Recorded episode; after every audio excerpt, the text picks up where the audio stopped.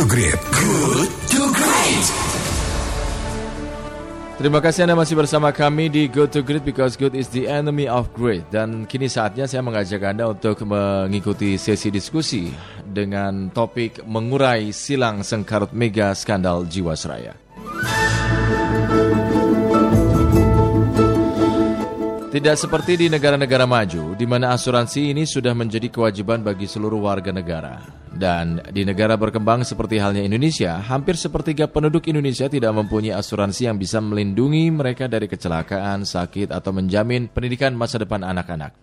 Hal ini karena asuransi masih dianggap sebagai barang mewah yang hanya dimiliki oleh masyarakat kalangan menengah atas. Selain itu, premi yang terlalu tinggi dan kurangnya pengetahuan masyarakat tentang pentingnya asuransi menyebabkan asuransi tidak terlalu diminati masyarakat berpenghasilan rendah. Maka tidak heran kalau dalam perbandingan dengan negara-negara di Asia, kesadaran berasuransi masyarakat Indonesia ini terbilang masih rendah. Nah, sahabat kelet, di tengah situasi seperti itu, kita dihadapkan pada problem yang membelit PT Asuransi Jiwasraya. Ini sebuah BUMN dan bermula dari kesalahan investasi Jiwasraya sekarang terlibat kasus gagal bayar premi asuransi ya uh, untuk JS Saving Plan. Ini mencapai 12,4 triliun rupiah dan dana itu merupakan akumulasi kewajiban pencarian klaim polis yang gagal dibayar perusahaan sampai periode Oktober uh, Desember 2019.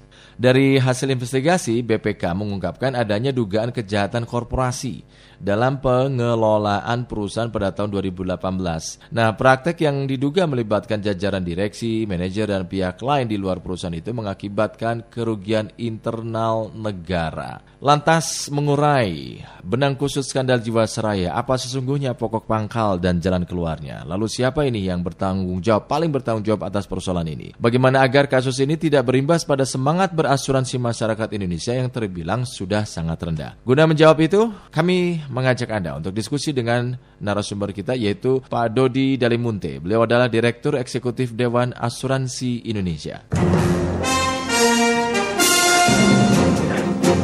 Selamat pagi Pak Dodi.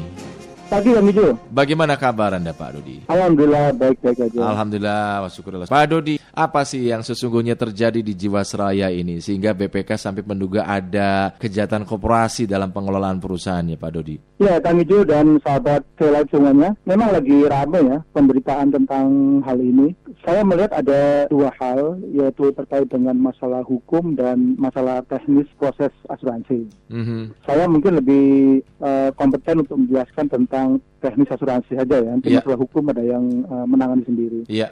Paling nggak ada dua hal yang memang berdampak kepada solvabilitas. Mm-hmm. Solvabilitas itu adalah kemampuan perusahaan untuk menyelesaikan kewajibannya yang diambil dari aset. Nah, masalahnya adalah perusahaan ternyata tidak bisa menyelesaikan kewajibannya karena asetnya itu uh, kurang, tidak memadai. Dua hal yang saya maksud itu adalah yang pertama penetapan harga sepertinya uh, kurang appropriate di sini. Penetapan harga apa nih Pak? Dalam produk JS Setting oh, ini okay. adalah uh, janji untuk memberikan uh, suatu manfaat yang sepertinya orang menganggap di atas dari rata-rata yang berlaku saat itu penetapannya. Artinya hmm. suku bunganya ternyata uh, uh, interestnya lebih tinggi dari suku bunga. Mm-hmm. Saya nggak tahu seperti apa proses penetapannya, tetapi kalau dilihat dari suku bunga average uh, sekian, ternyata kok janjinya itu lebih tinggi, berarti harus ada sumber dana yang cukup. Nah, masalah sumber dana yang cukup ini yang ternyata tidak sedia sampai dengan saat masyarakat mengajukan uh, klaim atas manfaat yang dijanjikan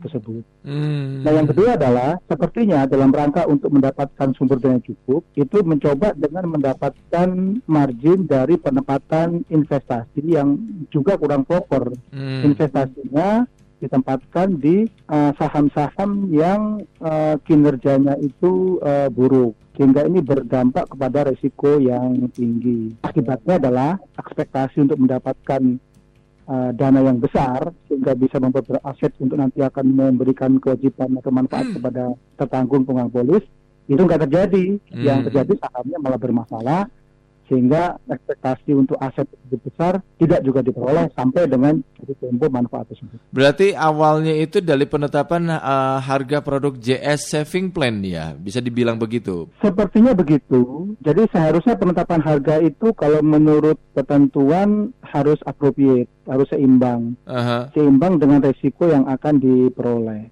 Hmm. Logikanya adalah karena ini adalah menjanjikan uh, interest sekian ke depan, harusnya penetapannya sudah sangat saintifik ya menggunakan ilmu aktuaria. Mm-hmm. Mungkin sudah menggunakan itu, yeah. tetapi ternyata kok begitu jatuh tempo uh, tidak dapat ini. Nah ini nih yang mungkin perlu dilihat lebih dalam terkait dengan penelitikan yang sedang dilakukan ya untuk uh. memastikan bahwa apakah memang pada waktu penetapan harga tersebut memang ada alasan atau justru memang tidak appropriate tersebut. Kenapa itu bisa terjadi di perusahaan sebesar dan setua Jiwasraya ya? Kesalahan seperti itu kan harusnya nggak terjadi ya? Benar, memang industri asuransi itu kan very regulated industri, sama seperti industri jasa keuangan yang lain. Iya. Sepertinya ada masalah pengawasan di sini jadi harusnya laporan perusahaan keuangan itu disampaikan secara berkala, hmm. uh, termasuk ke regulator. Nah, regulator pasti memeriksa setiap laporan tersebut dilaporkan, termasuk masalah probabilitas ini. Hmm. Dan di internal perusahaan pun juga seharusnya ada mekanisme kontrol seperti itu. Nah, ini yang mungkin perlu dicek dulu uh, apa penyebab masalah pengawasan ini uh, sepertinya agak terabaikan. Menurut Anda kenapa pengawasan ini agak terabaikan? mekanisme kontrolnya mungkin yang perlu dicek kembali kenapa uh. jadi terabaikan gitu ya sehingga terkesan ada yang tidak terkontrol tidak kelihatan hmm. jadi orang menjustifikasi akhirnya ini sebagai uh, window dressing gitu hmm. nah untuk bisa memastikan apakah itu benar window dressing makanya pada aspek legalnya sebaiknya memang uh, segera diusut untuk memberikan kepastian pada masyarakat bahwa penanganan ini dilakukan dengan baik. Karena masyarakat mengharapkan ada kepastian pembayaran klaimnya itu segera diselesaikan. Begitu masalah ini berlarut-larut, berilah kesempatan penegakan hukum untuk bisa memastikan pada masyarakat bahwa ini diurus secara uh, baik supaya masyarakat uh, tetap aman dalam menggunakan produk-produk asuransi. Uh, ini BPK kan uh, sudah memeriksa sampai menduga adanya kejahatan korporasi dalam pengelolaannya. Apakah artinya ini juga BPK melihat tadi ya bahwa ada window dressing dalam laporan keuangannya gitu? Saya belum bisa memastikan apakah itu menjadi justifikasi yang valid gitu ya. Iya. Karena itu nanti harus melalui proses pengawasan atau pemeriksaan legal. Hmm. Jadi asumsi pemeriksaan BPK itu bisa jadi benar, tapi mungkin perlu ada cross check kesempatan bagi manajemen untuk menjelaskan hmm. apakah justifikasi unit tersebut uh, benar. Hmm. Karena penetapannya kan sekian tahun yang lalu. Iya. Nah, itulah yang diberi kesempatan supaya informasi berimbang. Hmm. Berikutnya kalau memang ternyata ada kelalaian di sini, ya saya mendukung supaya aparat hukum segera menyelesaikan dan itu transparan biar masyarakat paham mm-hmm. bahwa memang diselesaikan dengan baik. Mm. Pak Dodi benar nggak sih apa yang terjadi sekarang ini merupakan puncak gunung es gitu yang sudah mulai sejak tahun 2006? Kalau dari proses penjualan produk ini memang sudah lama. Seharusnya memang pada waktu membuat produk itu sesuai atau mengacu pada ketentuan yang pertama pricing. Iya. Yang kedua adalah penempatan investasi. Yang ketiga adalah disclose terhadap isi dari produk ini ke masyarakat. Nah, pada waktu perusahaan itu mengajukan produk, itu pasti memberikan proposal kepada regulator. Kalau memang produk itu sudah dijual kepada masyarakat, jadi regulator sudah mengapprove. Hmm. Prosesnya itu sudah berjalan pada waktu itu.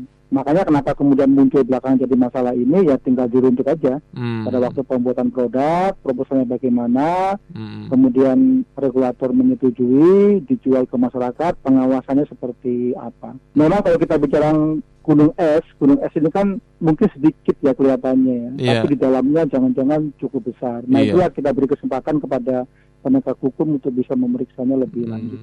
Nah, tapi kan ini kan uh, di berdasarkan catatan dari OJK Otoritas Jasa Keuangan Pak Dodi periode 2013-2016 OJK itu kan mendesak Kementerian BUMN untuk membuat langkah penyihatan keuangan Jiwasraya.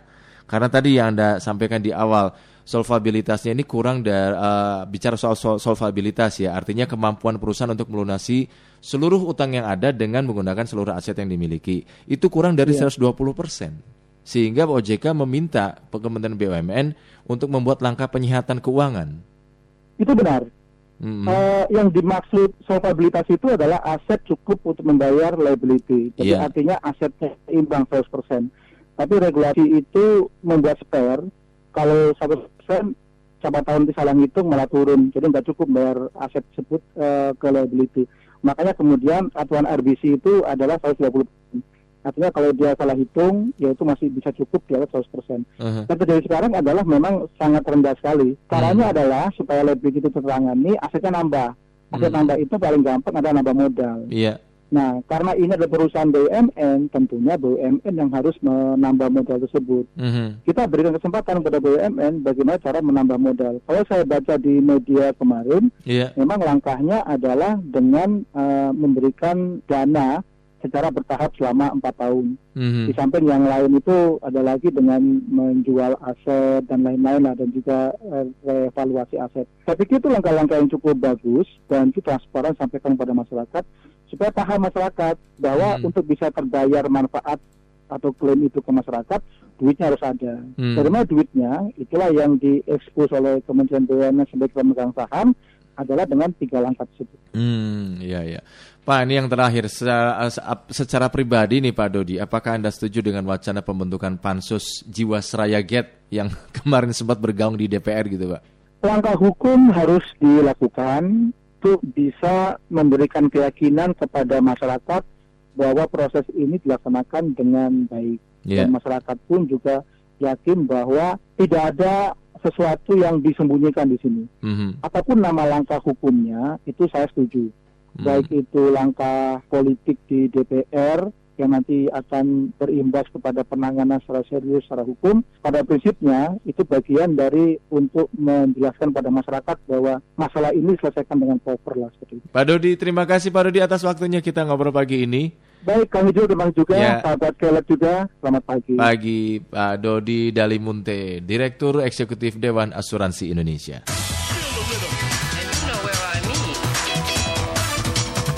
Good to great. Good to great.